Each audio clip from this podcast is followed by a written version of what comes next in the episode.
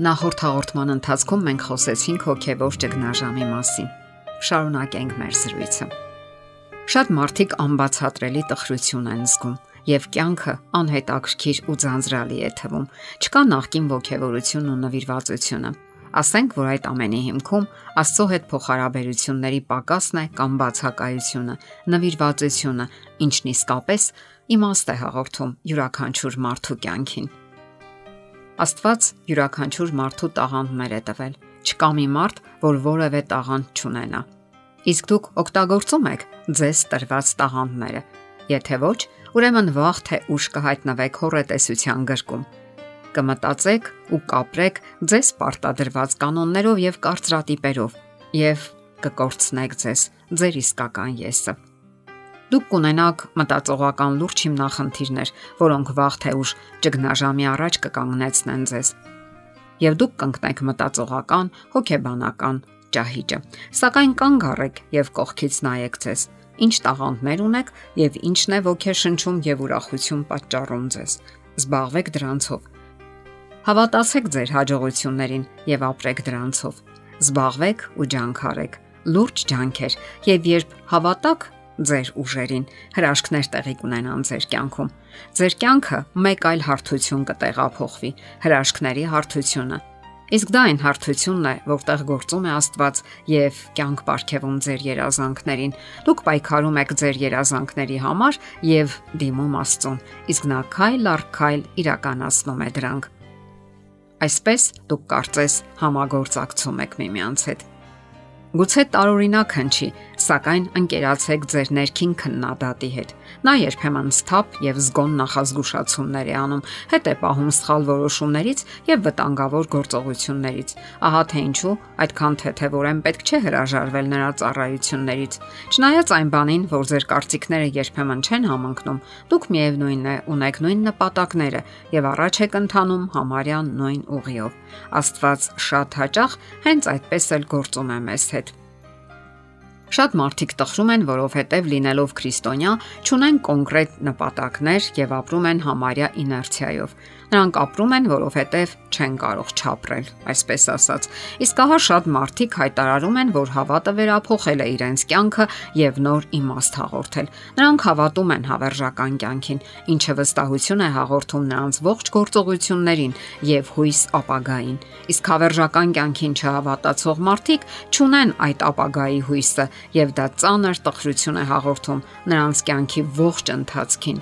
Ինչ ուրախություն, եթե այն ժամանակավոր է եւ համակված է վերջնական ոչնչացման թախիծով։ Իսկ երբ Աստված մուտք է գործում այդ մարդկանց կյանքը, տխրությունը նրանց իսկ խոստովանությամբ նահանջում է եւ փոխարինվում պայծառ ուրախությամբ։ Առաջին քրիստոնյաները հենց այդպես էլ ապրում էին՝ նվիրված Մարդու բնույթը այդպիսին է, եւ երբ նա շփվում է իրենից ավելի մեծ ու վեհ երևույթի հետ եւ խորասուզվում, խորանում նրա մեջ, սկսում է նմանվել նրան, եւ այդ ժամանակ նա բավարարվածություն եւ ճշմարիտ երջանկություն է գտնում։ Մարդը բոլոր ժամանակներում ձգտել է երջանկության։ Այդ բնական մղումը նրա մեջ դրված է հենց Աստծոց, սակայն նույնքան էլ ճիշտ է այն, որ Աստծոց դուրս նա չի կարող երջանկություն գտնել արարվածը երջանկություն կարող է գտնել միայն իրեն արարողի մոտ։ Նվիրվածությունը Քրիստոսին լավագույն ճանապարհն է եւ երջանկության բանալին։ Չկա ավելի մեծ նպատակ, քան դրսևորել Աստծո սերը այլ մարդկանց հանդեպ։ Կյանքի ճշմարիտ նշանակությունը մենք բացում ենք միայն այն ժամանակ, երբ նվիրվում ենք առանց մնացորդի եւ որքան խոր է այդ նվիրվածությունը, այնքան հարուստ ու լայն է մեր կյանքը։ Շատ ու շատ մարդիկ են իրենց կյանքը նվիրաբերել Քրիստոսի գործին եւ նրանք լիակատար բավարարվածություն են գտել դրա մեջ։ Նրանք հրաշալի ձևով են կատարել իրենց Տիրոջ Քրիստոսի հրահանգը։ Գնացեք բոլոր ազգերին աշակերտեցեք Այդ մարդիկ հարուստ եւ լիարժեք կյանք են ապրել։ Նրանք չեն ձանձրացել եւ պարապությունից հազարու մի անհեթեթությունների չեն տրվել։ Այդպիսի քրիստոնյան, որը նվիրված է Աստծուն, լավագույն ձևով վկայում է իր Տիրոջ մասին։ Նրանք խորասուզվել են Աստծո սիրո մեջ, ձգտել են հասնել ամենաառաքինի ու բարձր նպատակների եւ դրա մեջ են գտել ճշմարիտ բավականությունն ու երջանկությունը։ Աղոթքի կյանքը մարդուն հանում է հոգևոր ճգնաժամից։ Աղոթքը հոգու շնչառությունն է։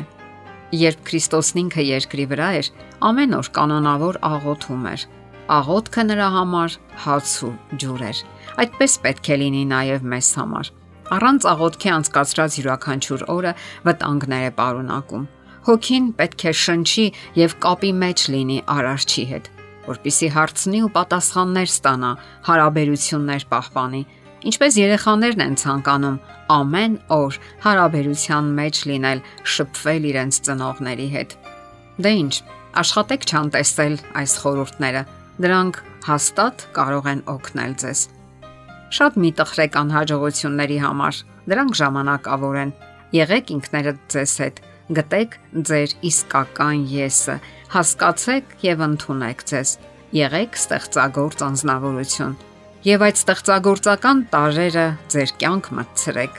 եւ բնականաբար ուրախություն կապրեք։ Պարտադիր չէ, որ դուք գիրք գրեք կամ երաժշտություն հորինեք։ Պարզապես թարմություն մտցրեք ձեր աշխատանքի մեջ, ընտանիքում, մարդկային հարաբերություններում եւ ամենուր, որտեղ կաք ու կլինեք։ Եվ երբեք մի անտեսեք Աստծո ներկայությունը ձեր կյանքում եւ երբեք չեք հայտնվի հոգեվոր ճգնաժամի մեջ։ Եթերում ողանջ հավերժության հաղորդաշարն է։ Հարցերի եւ առաջարկությունների համար զանգահարել 033 87 87 87 հեռախոսահամարով։